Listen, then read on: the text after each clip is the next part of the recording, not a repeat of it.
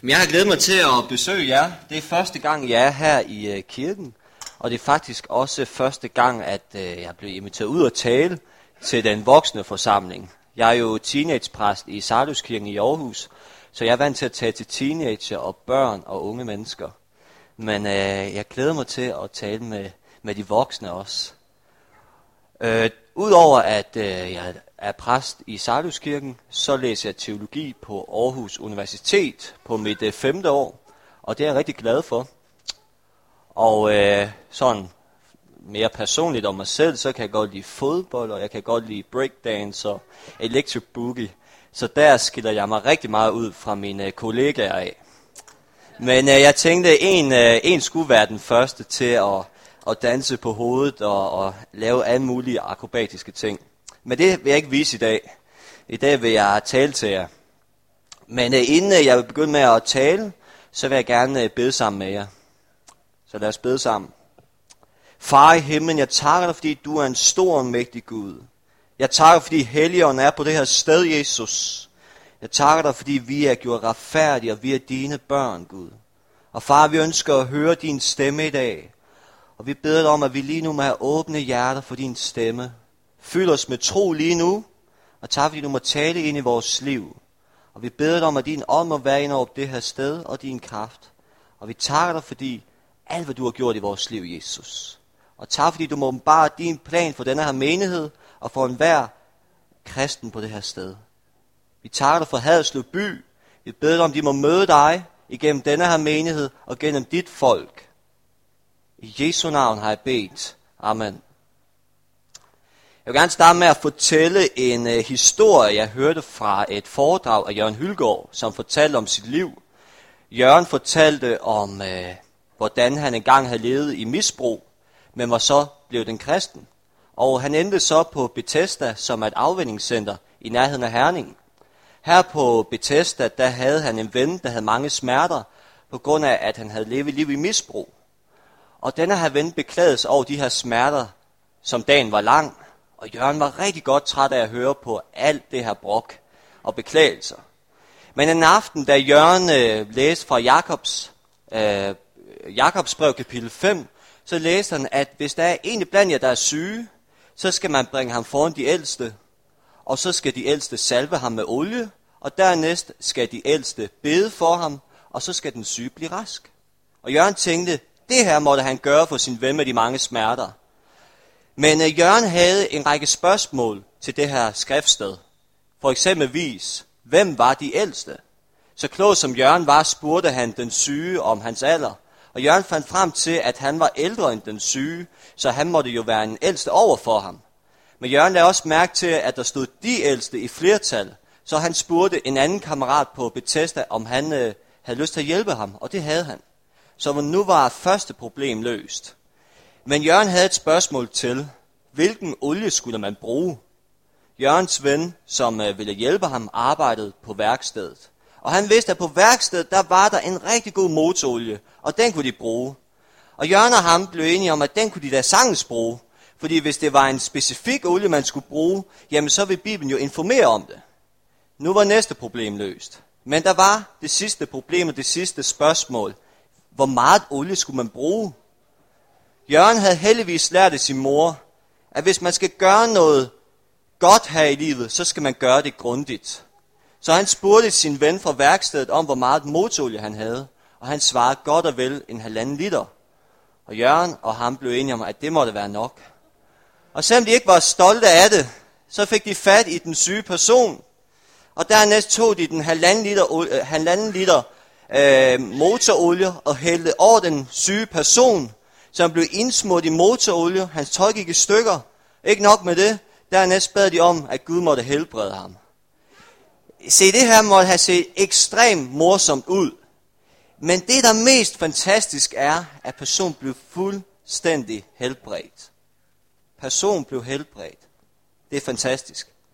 Og det fortæller mig noget vigtigt om, hvad der sker, når vi tager Guds ord alvorligt og handler på det i tro, så begynder Gud også at tage os alvorligt, selvom vi nogle gange handler lidt dumt. Men Gud tager os alvorligt, og Gud vil svare på vores bønder. Den her person blev fuldstændig helbredt. Og øh, ud fra denne her historie vil jeg gerne tale om Guds salvelse i dag under overskriften Menighedens afhængighed af Guds salvelse. Kan jeg få den første dias op? Der står overskriften i hvert fald. Jeg vil gerne tale om Guds salvelse, fordi jeg tror på Guds salvelse. Jeg tror på Guds salvelse.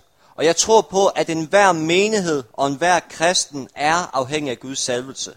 Jeg tror på, at din frikirke i Haderslev, at du og jeg har brug for Guds salvelse i år 2012. Det tror jeg på. Og måske sidder du og tænker, jamen, hvorfor har vi brug for Guds salvelse? Og hvad er Guds salvelse? Hvis du har de her spørgsmål, vil jeg gerne besvare dem igennem min prædiken. For det, første, for det første kan jeg sige dig, at Guds salvelse er ikke en håndgribelig salvelse. Guds salvelse er ikke noget, vi finder nede på apoteket eller i Matas ved siden af de andre hylder med salvelser. Guds salvelse er ikke noget, vi kan bruge til øjnene. Guds salvelse er ikke noget, vi kan bruge på huden, som øh, reparerer huden eller giver en god duft. Guds salvelse er en åndelig salvelse, som kun Gud kan give. Og det er den, vi har brug for. Så lad os se på det første spørgsmål. Næste dias. Hvorfor har vi brug for Guds salvelse? En gang kom Jesus til sin hjemby Nazareth, og Jesus gik ind i synagogen i Nazareth, og så gik Jesus i gang med at bede, eller i gang med at læse et skriftsted op fra Esajas bog. Og det Jesus læste op var en profeti om sig selv. Og Jesus læste det her, det står i Lukas 4, vers 18-19. Herrens ånd er over mig, fordi han har salvet mig. Han har sendt mig for at bringe godt budskab til de fattige, for at udråbe frigivelse for fanger og syn til blinde, for at sætte undertrykte i frihed, for at udråbe noget over for Herren. De her vers afslører, at Gud havde et formål med Jesus liv. Gud ønskede at gøre noget igennem Jesus liv. Gud ønskede, at Jesus skulle bringe gode nyheder til den her verden. At Jesus skulle bringe syn til mennesker. At Jesus skulle sætte mennesker fri og bringe noget over for Herren. Men det, der er allermest fantastisk, er, at efter Jesus er opfaret til himmels, så har Gud givet det her ansvar til sin menighed i dag. Det vil sige, at vi som menighed er kaldet til at gøre de her ting. Gud ønsker at gøre de her ting igennem dit og mit liv. Din frikirke Haderslev skal bringe det gode budskab til mennesker i Danmark. Vi skal som menighed øh, sætte mennesker fri øh, i vores omgangskreds. Vi skal bringe syn til mennesker i vores familie, i vores vennekreds. Gud ønsker at gøre de her ting igennem sin menighed. Når jeg hører de her ting, så tænker jeg to ting. For det første bliver jeg storslået. Jeg bliver imponeret over, at Gud ønsker at gøre det igennem mit liv og mine medkristnes liv og min menighed. Det er ret imponerende, at Gud ønsker at gøre det gennem vores liv. Samtidig bliver jeg foruroligende eller bange. Hvordan i alverden skal jeg kunne gøre de her ting? Hvordan? Jeg føler mig ikke lige frem som verdensmester til det med at være kristen. Og det tror jeg heller ikke, du gør. Vi føler os ikke helt vildt gode til det her. Eller vi føler os ikke lige som Jesus. Men det er lige nuagtigt her, at Guds salvelse er aktuel. Og det er her, at Guds salvelse kommer ind i billedet. For hvad er Guds salvelse? Prøv at tage næste dias. Hvad er Guds salvelse? For det første var Jesus salvet. Var vores mester og herre Jesus salvet? Ja, det var han. Der står i Apostlenes Gerninger kapitel 10, vers 37-38 sådan her. Johannes prædikede, hvordan Gud salvede Jesus fra Nazareth med helligånd og kraft, og hvordan Jesus færdes overalt og gjorde vel og helbredte alle, der var under djævelens herredømme, for Gud var med ham. De her vers er meget vigtige og lærer os nogle utrolig vigtige ting om, hvad Guds salvelse er. Og lærer os også om, hvordan Guds salvelse virkede gennem Jesus liv. Vi lærer fire ting. Et, det er Gud, der giver salvelsen. Det er Gud, der giver den. To, Gud salver mennesker med helligånd og kraft. Tre, når Gud salver mennesker med helligånd og kraft, er Gud dem nærværende. Og fire, da Jesus blev salvet med helligånd og kraft, og da Gud var med ham, så helbredte Jesus alle og gjorde vel, gjorde det rette. Når du hører det, begynder du så at forstå, hvorfor du og jeg og vi som menighed har brug for Guds salvelse. Hvis Jesus var afhængig af Guds salvelse over sit liv, så har du og jeg også brug for den. Er det ikke rigtigt? Hvis Jesus var afhængig af den, har vi også brug for den i dag. Jeg har skrevet, at salvelsen var en nøgle til, at Guds kraft kunne manifestere sig igennem Jesus liv. Og hvis du har læst lidt i Bibelen, vil du vide, at nogle gange bliver Jesus omtalt som Kristus eller Messias. Og hvad betyder det? Det betyder den salvede. Og allerede i det gamle testamente hører vi om Messias-begrebet. Og det vil sige, at Gud havde allerede kaldt en frelser til at komme til denne her verden, og han skulle leve under Guds salvelse og være fyldt med Guds kraft. Og Gud ønsker også, at vi som menighed i dag skal være fyldt med Guds kraft. Amen. Så når vi bliver bange og bliver urolige over, at vi skal gøre det, som Jesus gjorde, og når vi skal varetage Guds opgave, så er det vigtigt, at vi husker på, at Gud ønsker at tilbyde os salvelsen. Jeg har lært en vigtig lektie efter, at jeg har læst lidt i Bibelen. Gud handler ikke i hjem og fix. Gud handler ikke i hjem og fix. Hvad betyder det? Det betyder, at Gud er ikke en gør det selv mand. Gud er ikke en gør det selv mand. Og hvorfor siger jeg det? Jo, fordi i Bibelen ser vi meget tydeligt, at Gud handler og bygger og skaber altid noget i relation med nogen. Han gør det ikke selv, han gør det i relation med nogen, som oftest er mennesker. Da Gud skabte mennesket i første Mosebog 1, 26 mener jeg, der sagde Gud, lad os skabe. Han sagde ikke, lad mig skabe, han sagde, lad os skabe. Og i det gamle testamente hører vi om, hvordan Gud kaldte mennesker til at skabe noget sammen med ham. Og Jesus skabte Guds rige sammen med disciplene. Og det er derfor, vi har brug for Guds salvelse. For Guds salvelse er måden, hvorpå Gud tager bolig i os og står sammen med os. Når vi som menighed står med den opgave, Jesus havde, så står vi altså ikke selv, men så står vi sammen med Gud, fordi vi er salvet med Guds helligånd. Amen. Vi står ikke selv. Hvorfor? Fordi i os selv kan vi ikke varetage den opgave. Vi kan ikke. Jeg kan ikke. Du kan ikke. Men når vi står sammen med Gud, så er det muligt. Så kan vi komme til at gøre nogle af de ting, Jesus han gjorde. Og det er derfor, at vi har brug for Guds salvelse. Når vi modtager Guds salvelse, som i virkeligheden er Helligåndens salvelse, så etablerer vi et samarbejde med Gud. Så står vi sammen med Gud om opgaven. Og øh, det har en sammenhæng, når vi stiller det sidste spørgsmål. Hvornår blev Jesus salvet? Prøv at tage næste dias. Allerførst vil jeg lige sige, at i, i det gamle testamente hører vi også om salvelsen. Gud talte til nogle mennesker om, at de skulle fylde deres spære op med olie, og så skulle de salve, det var profeter, konger og præster. Og man skulle salve dem med en olie, for ligesom at markere, at de var indviet i en tjeneste over for Gud. Det her, den her salve fremgangsmåde fra det gamle testamente, hører vi ikke om i Jesus liv. Selvom vi ved, at Jesus engang blev salvet af en kvinde. Men der, hvor Jesus blev salvet af Gud, det var under Jesu dåb. Og står sådan her om Jesu dåb i Lukas evangelie kapitel 3, vers 21-22. Og det skete, da folket lå sig døbe, og Jesus blev døbt, og mens han bad, at himlene åbnes, og helligånden dalede ned over ham i læmelig skikkelse som en due, og der lød en røst fra himlen, Du er min elskede søn, i dig har jeg fundet velbehag. Se, det her var en meget interessant dåb, som jeg godt kunne tænke mig at være med til. Der skete noget helt overnaturligt.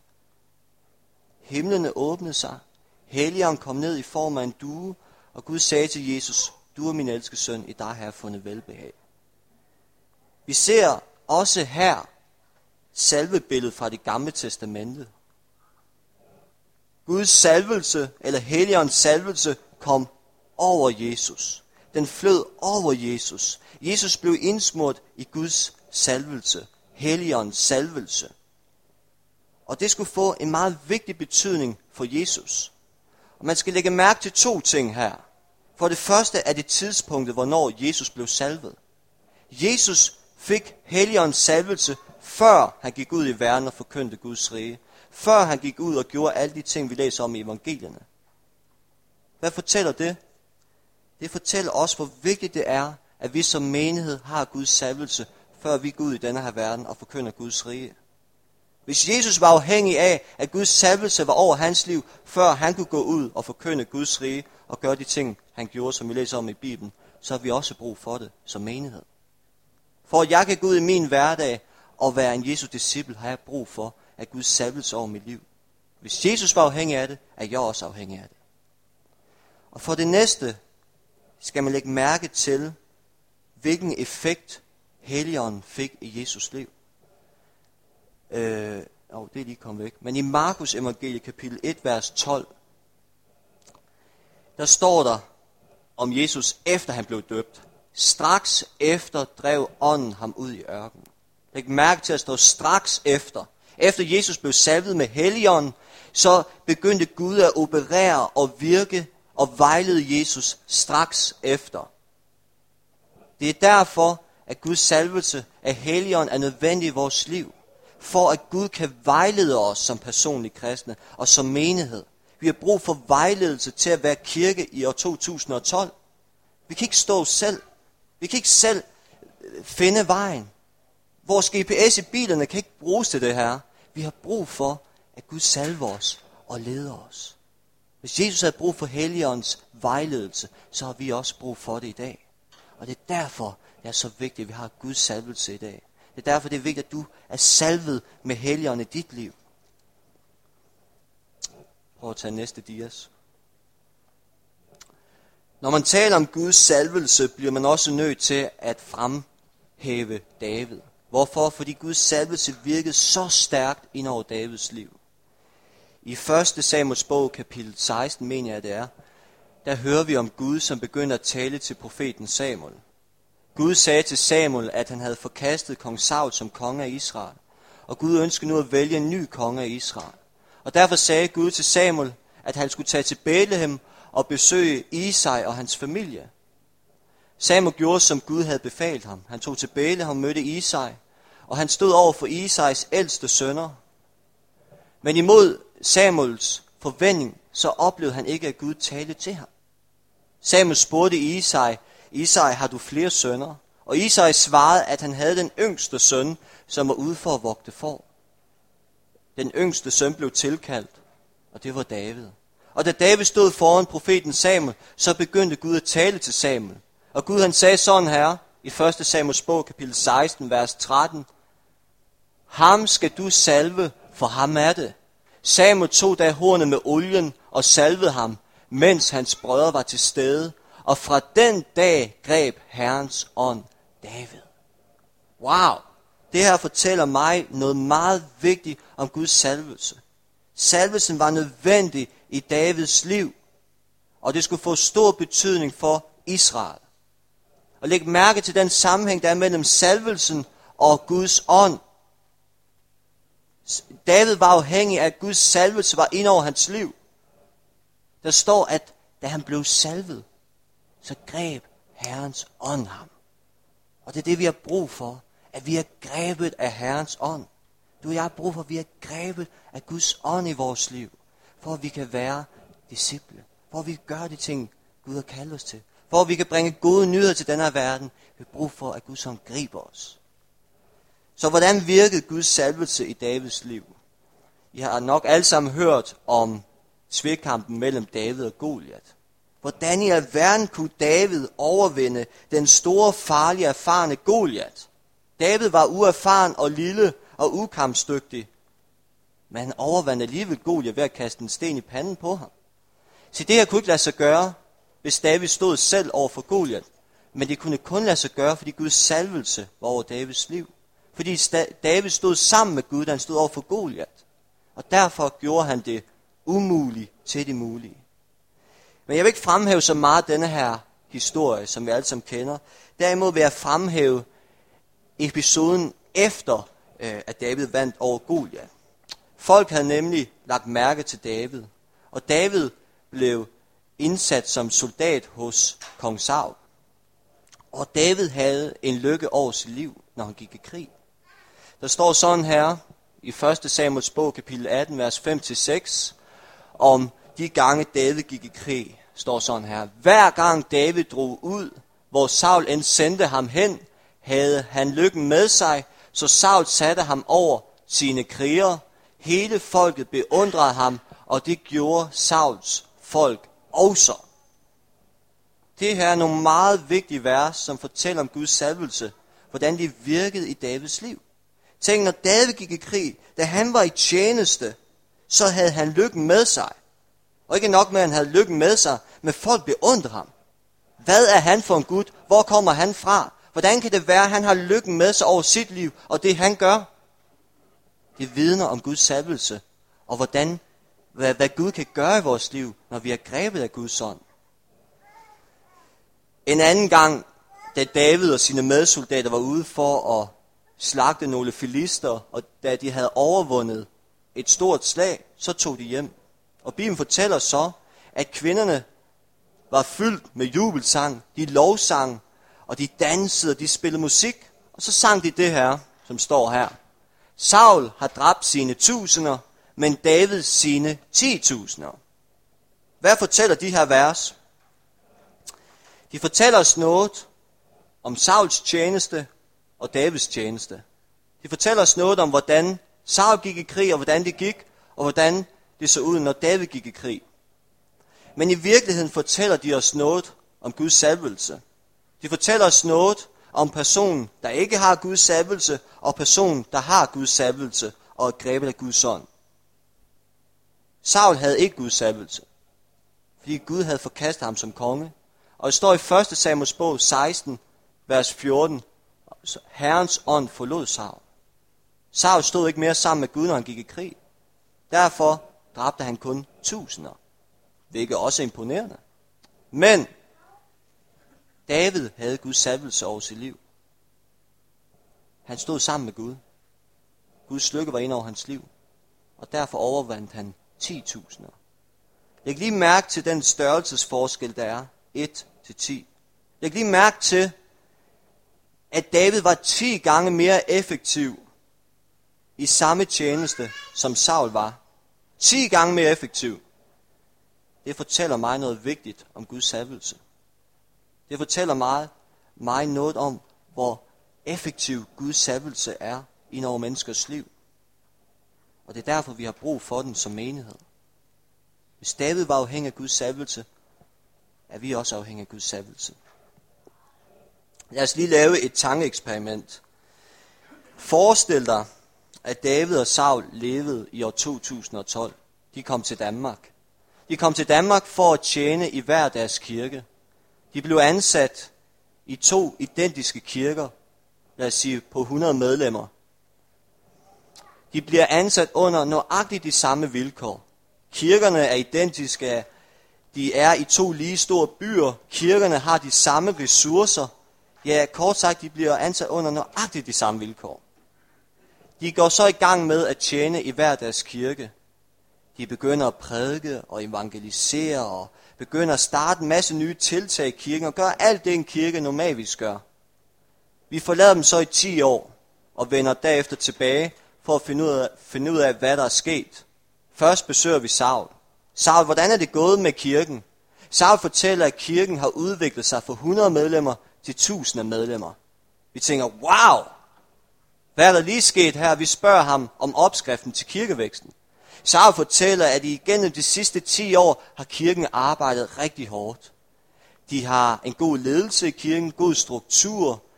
De har alle, de bruger alle mulige nye slags øh, ting, man bruger inden for kirken over landsplan. De har tilbud til alle generationer. Ja, de har virkelig arbejdet hårdt, og det har været årsagen til deres kirkevækst. Derefter besøger vi Davids kirke og spørger ham det samme spørgsmål. Hvordan har kirken udviklet sig over de, 10, over de sidste 10 år? David fortæller, at kirken er gået fra 100 medlemmer til 10.000 medlemmer. Vi forstår ikke, hvad der sker. Vi spørger David det samme spørgsmål. Hvad er, hvad er opskriften? David fortæller, at de ligesom Saul begyndte med at arbejde hårdt, og de handlede rigtig meget, og de brugte alle mulige slags nye tiltag og havde en god struktur. Men en dag, så skete der noget usædvanligt til et møde. De blev grebet af Guds ånd. Helligåndens salvelse kom ind over deres liv, og de mødte Gud, som de aldrig havde mødt ham før. Og ikke nok med, at de mødte Gud den formiddag, men de blev grebet af Guds ånd. De blev brændende i ånden. Og da de gik ud og var kirke i hverdagen, så var de fortsat brændende i ånden. Og deres brand smittede af på deres venner og deres bekendtskaber.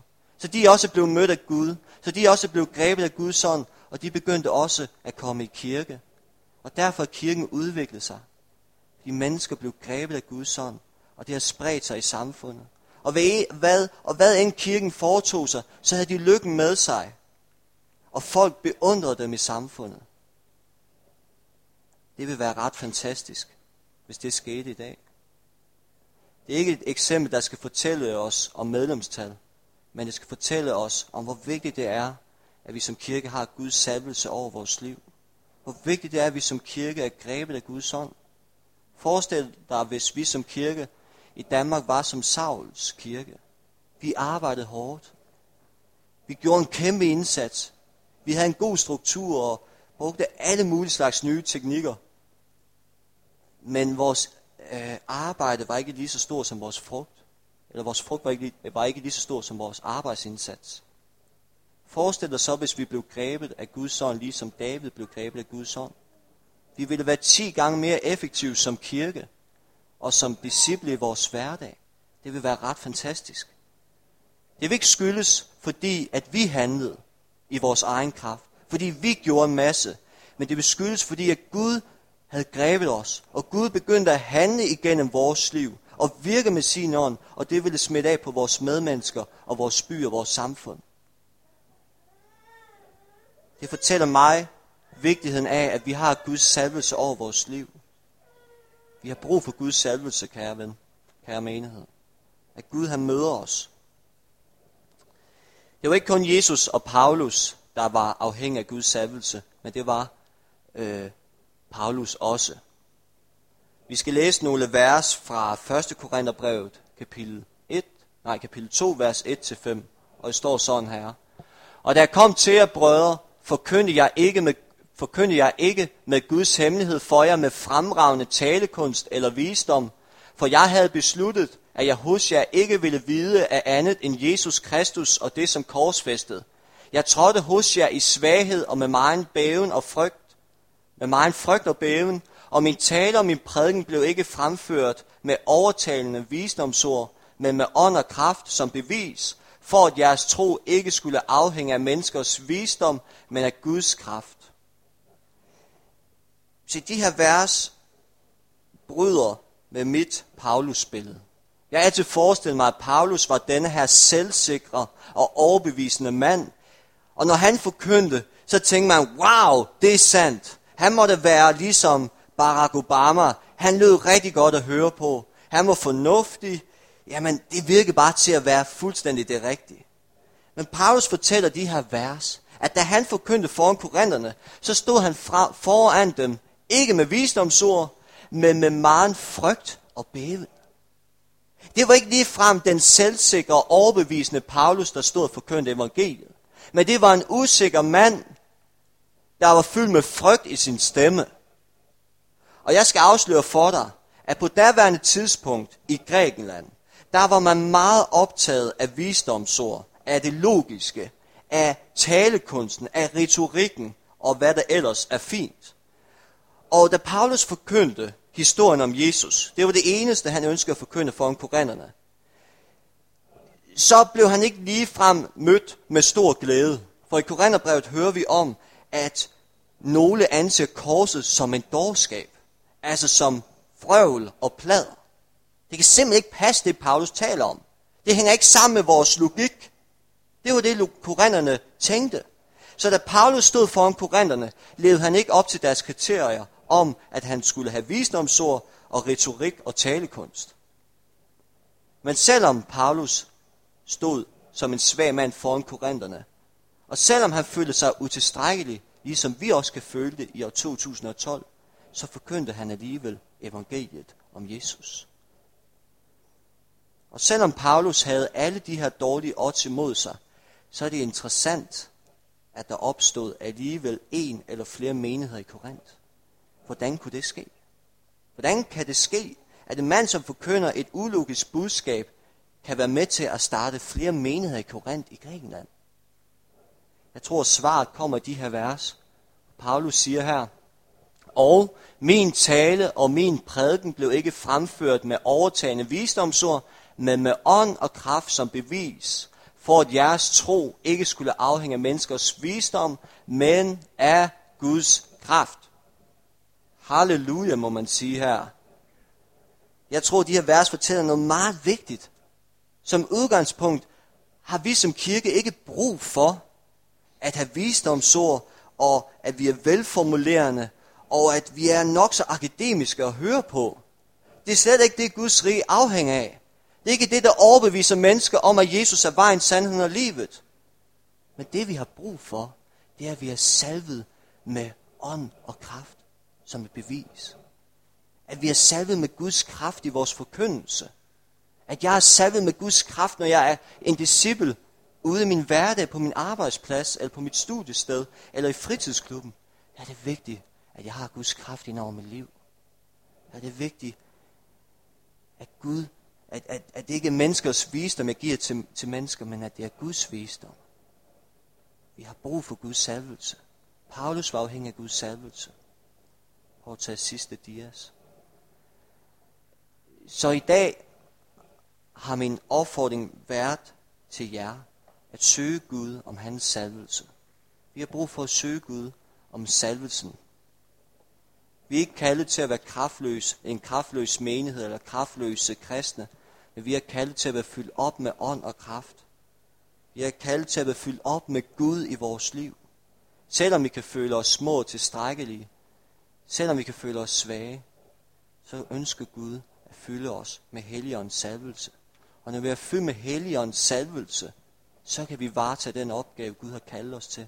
Så kan vi bringe gode nyheder til denne her verden, til Haderslev by, til dine medmennesker. Vi har brug for Guds salvelse. Og da jeg studerede salvelsen i Bibelen, så lagde jeg mærke til, at salvelsen er en kilde til lægedom og til glæde. Men salvelsen er også en kilde til kundskab.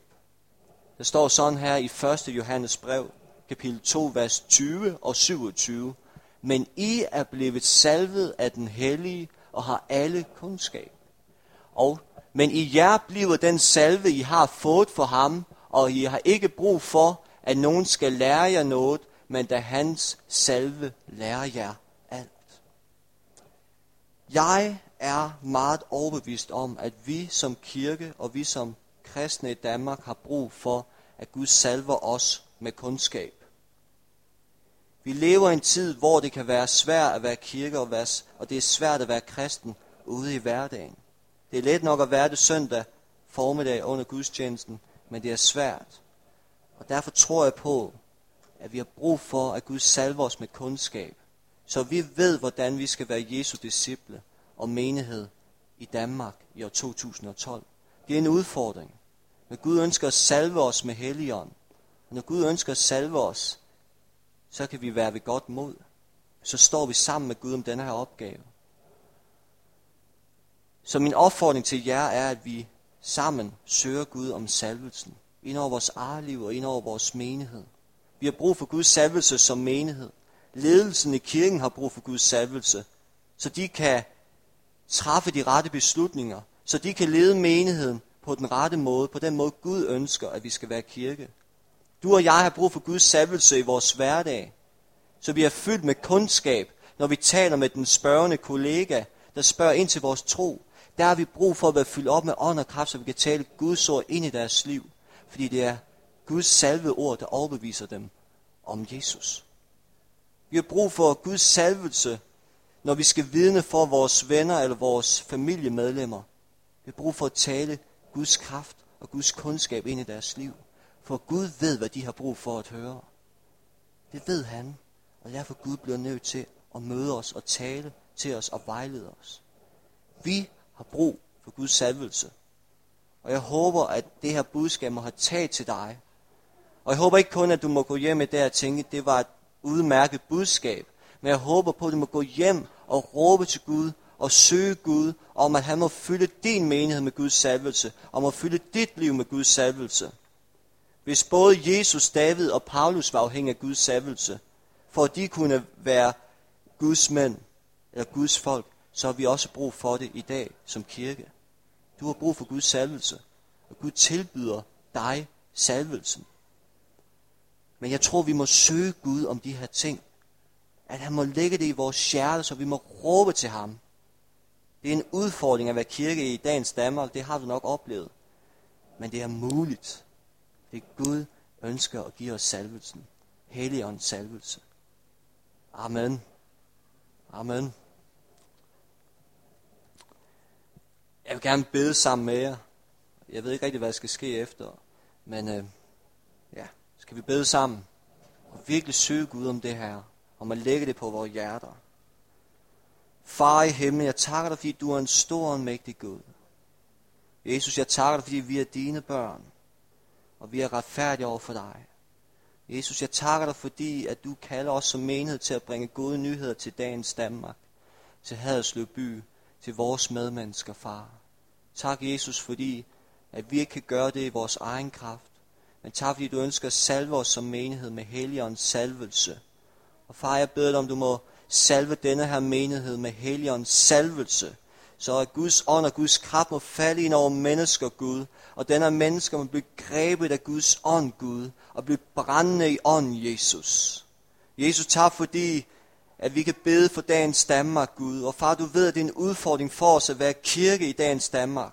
Men far, jeg takker dig, fordi du ønsker ikke, at vi skal være kraftløse. Men du ønsker, at vi skal være fyldt med helligånd og kraft ind i vores liv, Gud.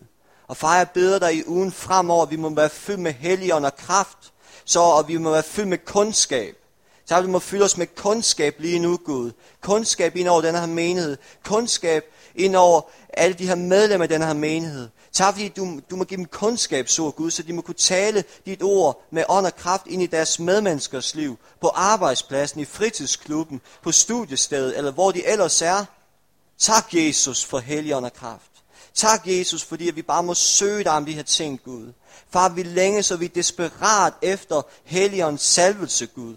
Far, du var afhængig af den. David og Paulus var afhængig af den, og vi har også brug for den, Jesus. Jesus, tak fordi du ønsker, at vi skal være menighed sammen med dig. Og tak fordi du ønsker, at vi skal bygge Guds rige i en relation med dig, Jesus. Tak, Jesus, fordi du må møde det her sted, far. Far, jeg beder også om, at du lige nu må åbenbare din plan for denne her menighed, Gud. Du må åbenbare din plan på det her sted, Jesus. Vi takker dig, Jesus, fordi du er en stor og mægtig Gud. Vi takker dig, fordi vi er kaldet til at være sammen med Helligånden i vores liv. I Jesu navn har jeg bedt. Amen.